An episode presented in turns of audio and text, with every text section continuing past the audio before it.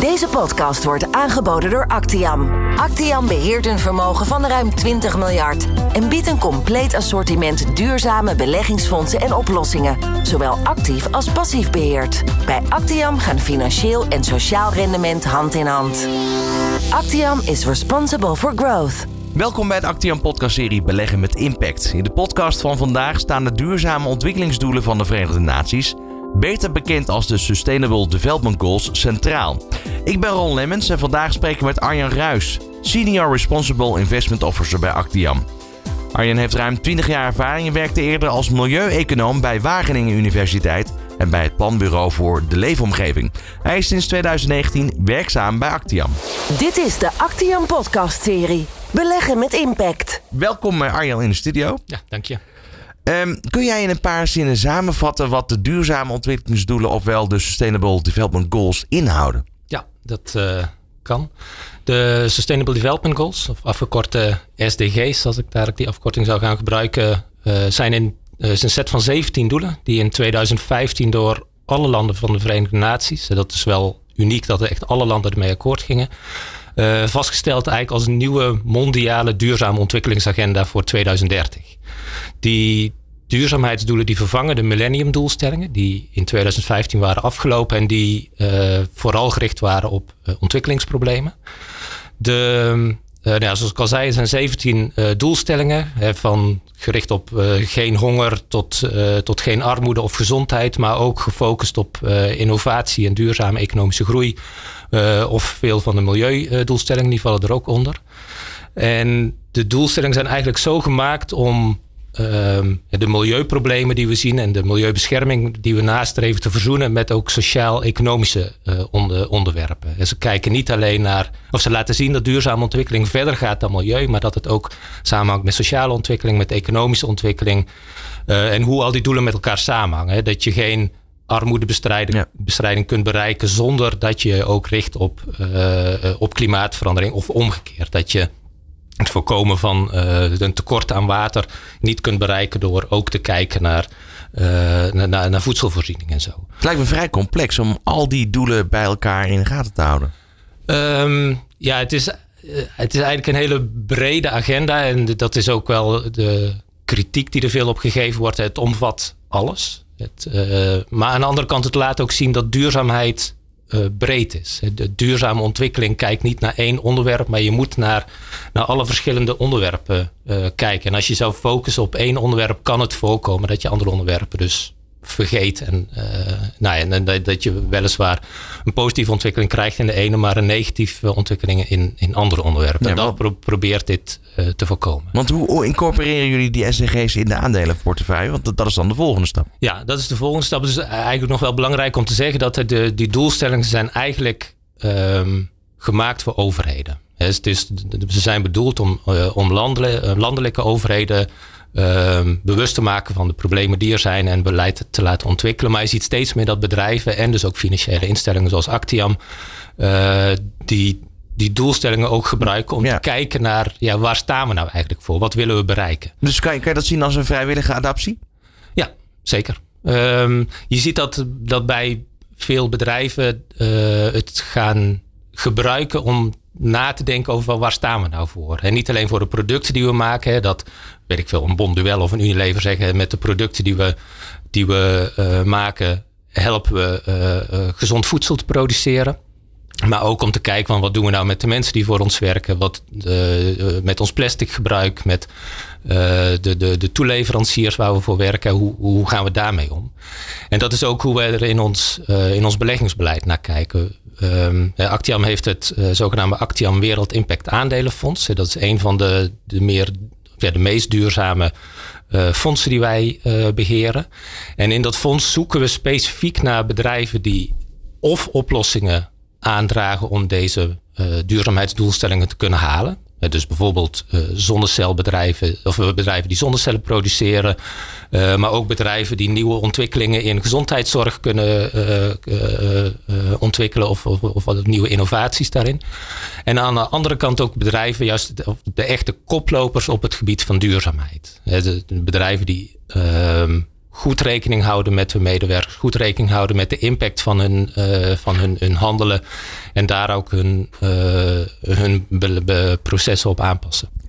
Nu, nu hoor ik hier eigenlijk uh, ja, de, de, positieve bijdrage die het kan opleveren in duurzaam beleggen. maar er zijn natuurlijk ook negatieve impact situaties. Kan je daar wat, wat meer over, over zeggen hoe jullie daarmee omgaan? Ja, zeker. Um, en om die vraag te kunnen beantwoorden wil ik heel even één stapje terugzetten om iets meer uit te, leggen hoe Actiam, of hoe het duurzaam investeringsbeleid van Actiam in elkaar zit. En dat het duurzaam investeringsbeleid is geënt op de zogenaamde donut-economie. Dus dat is een economisch model dat uh, economische welvaart meet door te kijken naar de realisatie van een aantal sociale factoren, zonder dat uh, de ecologische plafonds of de planetaire grenzen waar de samenleving van afhangt, dat die overschreden worden. En die naam donut die komt eigenlijk uit voort uit de vorm van een diagram. Hè, dat je uh, juist de binnenkant van die donut is een cirkel hè, met een gat. En je wil dat het aantal mensen dat toegang heeft tot, uh, tot gezondheidszorg, het aantal mensen dat voldoende uh, te eten heeft, het aantal mensen dat in armoede leeft, dat dat zo klein mogelijk is. En de buitenkant van die donut die gaat meer over die planetaire grenzen omdat je die grenzen niet, niet overschrijdt. Dus eigenlijk zit, heb je aan de binnenkant van die donut alle sociale factoren, aan de buitenkant de meer, uh, de, de, de, meer, de milieufactoren. En alle factoren in dit model die hangen één op één samen met die duurzame ontwikkelingsdoelen.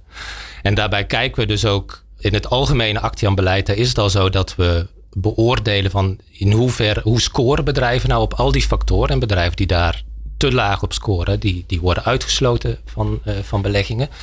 En specifiek voor de, de meer impact-gerelateerde uh, fondsen die wij beheren, kijken we ook juist van wat is nou de bewuste positieve bijdrage die bedrijven uh, leveren. Kan, je eens voorbeelden geven van negatieve en positieve impact? Ja. Uh, situaties? Um, ja, bijvoorbeeld een heel duidelijk voorbeeld is natuurlijk zonnecellen. Hè. iedereen denkt van zonnecellen zijn positief voor uh, de tegen klimaatverandering. Dus nou, er zijn verschillende zonnecelbedrijven waar we in zullen beleggen, in beleggen. En een voorbeeld is bijvoorbeeld Scatec Solar. Dat is een, Noorse zonnepanelenbouwer. Die gaat heel bewust om met, uh, met het milieu de manier waarop de zonnecellen gemaakt worden. Ook met hun personeel. En ze ze bouwen allerlei uh, zonneparken in, ook in ontwikkelingslanden. Om ervoor te zorgen dat die landen ook toegang krijgen tot, uh, tot schone energie. Maar er zijn verschillende andere zonnecelbouwers waar we juist niet in beleggen. Omdat zij niet voldoende kijken naar of mensenrechten of milieu voldoende gerespecteerd worden in de, in de toeleveringsketen. Nou, we zijn bijvoorbeeld ook altijd heel erg voorzichtig met waterkrachtcentrales. Eh, dat bedrijf wat ik zo net zojuist noemde, dat Scatec Solar, heeft ook een waterkrachtcentrale. Maar die is op een bewuste manier gebouwd. Maar bijvoorbeeld de Drie Kloverdam in China, het bedrijf dat, dat die bouwt, daar zullen we niet in beleggen, omdat de, zowel de sociale als de, uh, de, de milieu-impact veel te groot is. Wat ook altijd ingewikkeld is, zijn farmaceutische bedrijven. De, alle farmaceutische bedrijven maken natuurlijk geneesmiddelen die, uh, ja, die bijdragen aan, aan gezondheidszorg. Maar die sector ja, ligt ook vaak onder een vergrootglas vanwege hoge prijzen, het prijsbeleid wat, uh, wat, wat niet goed is. Of dat ze zich juist richten op, uh, op, op bepaalde welvaartsziektes. Nou, daar is bijvoorbeeld een bedrijf als Agios Pharmaceuticals. Dat viel ons daarbij ook op. En dat, dat is daarom ook onderdeel van het dat Wereld Impact Aandelenfonds. Omdat zij zich juist richten op ook ziektes in Afrika. Dus specifiek prijsbeleid hebben voor de meer ontwikkelende markten. Ja. Terwijl andere grote farmaceuten, uh, dat we daar niet in beleggen, ook vanwege allerlei uh, fraudezaken. Ja, wat we al vaker gehoord hebben ook is natuurlijk data is hierbij heel belangrijk om echt de ontwikkelingen van al die bedrijven waar je in zou kunnen investeren te monitoren. Is er wel genoeg data beschikbaar of, of kan het beter? Ik denk het wel uiteindelijk. Ja, nee, zeker. Toch? Ja, nee, dat kan, uh, kan altijd beter. Maar goed, het probleem met data is dat het altijd beter kan. Ook als je heel veel data hebt.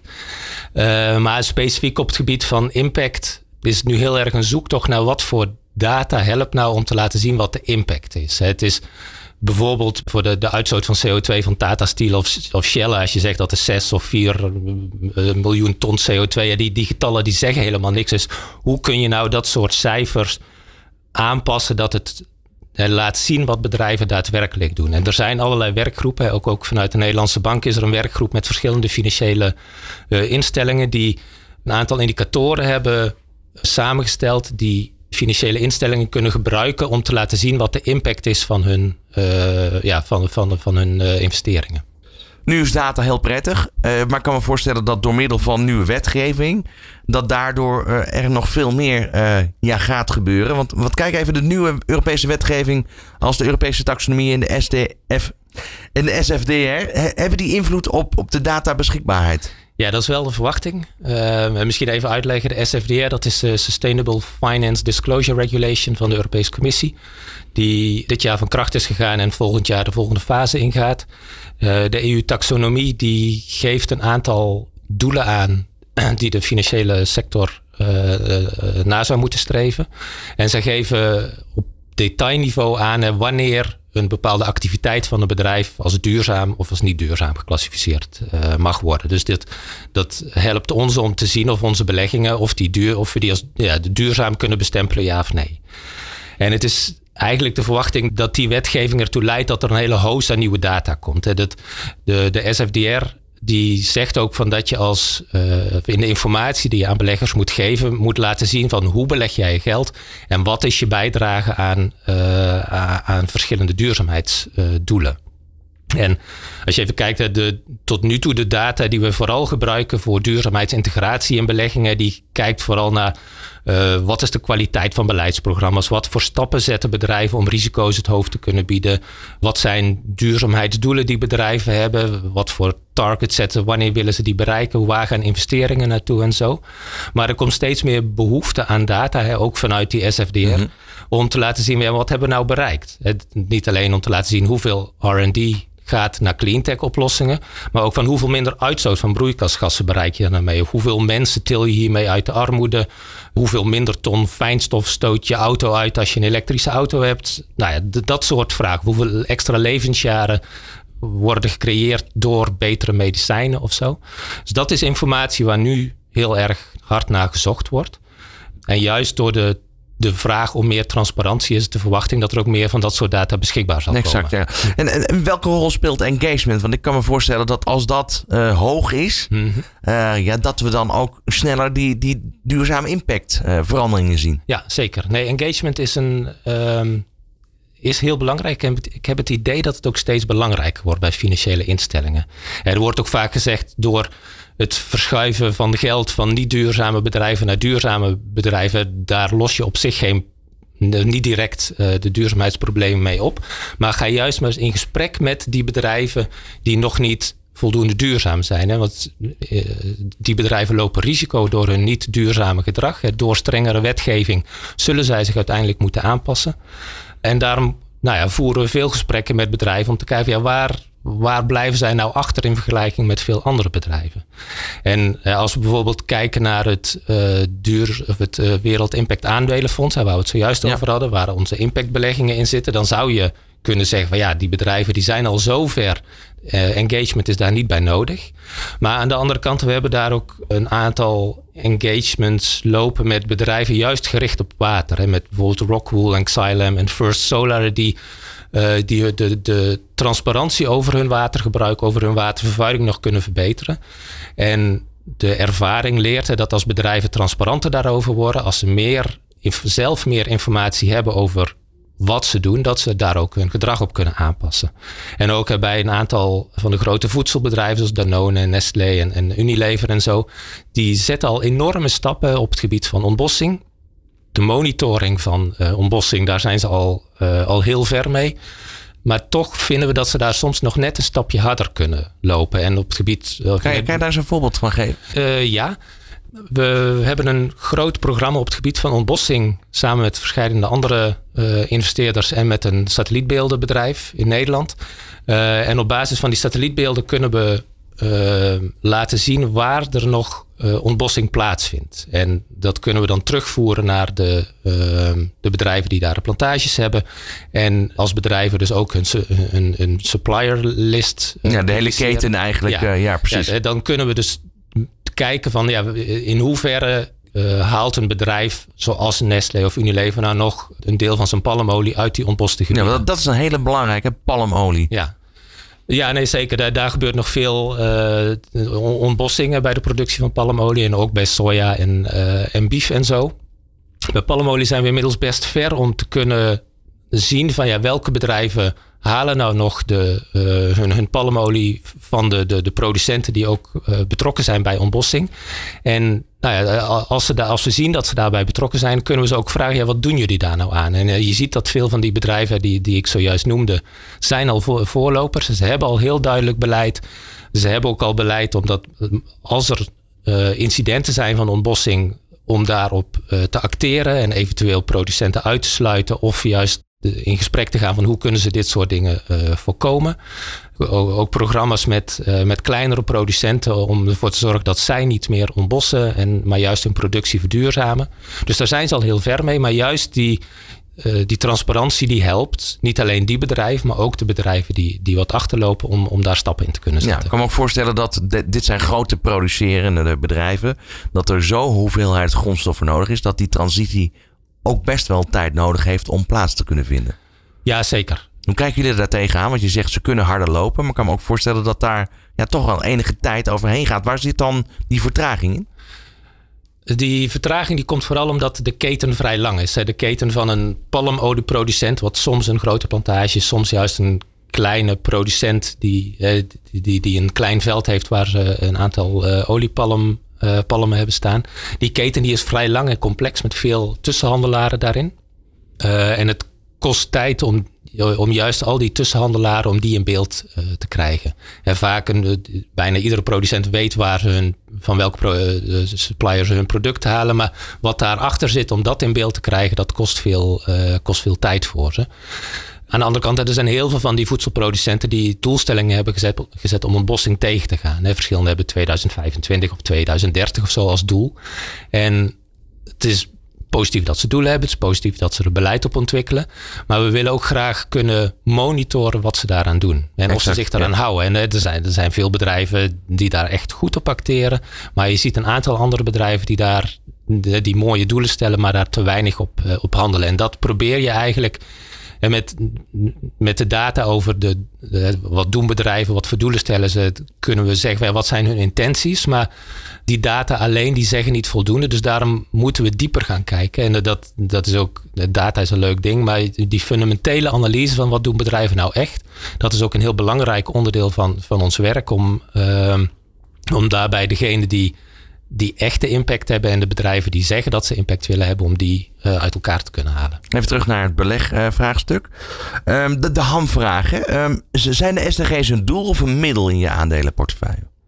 Ja, ze zijn voor overheden duidelijk een doel. Daar zijn ze voor gemaakt. Voor overheden om, uh, om toe te werken naar duurzame ontwikkeling.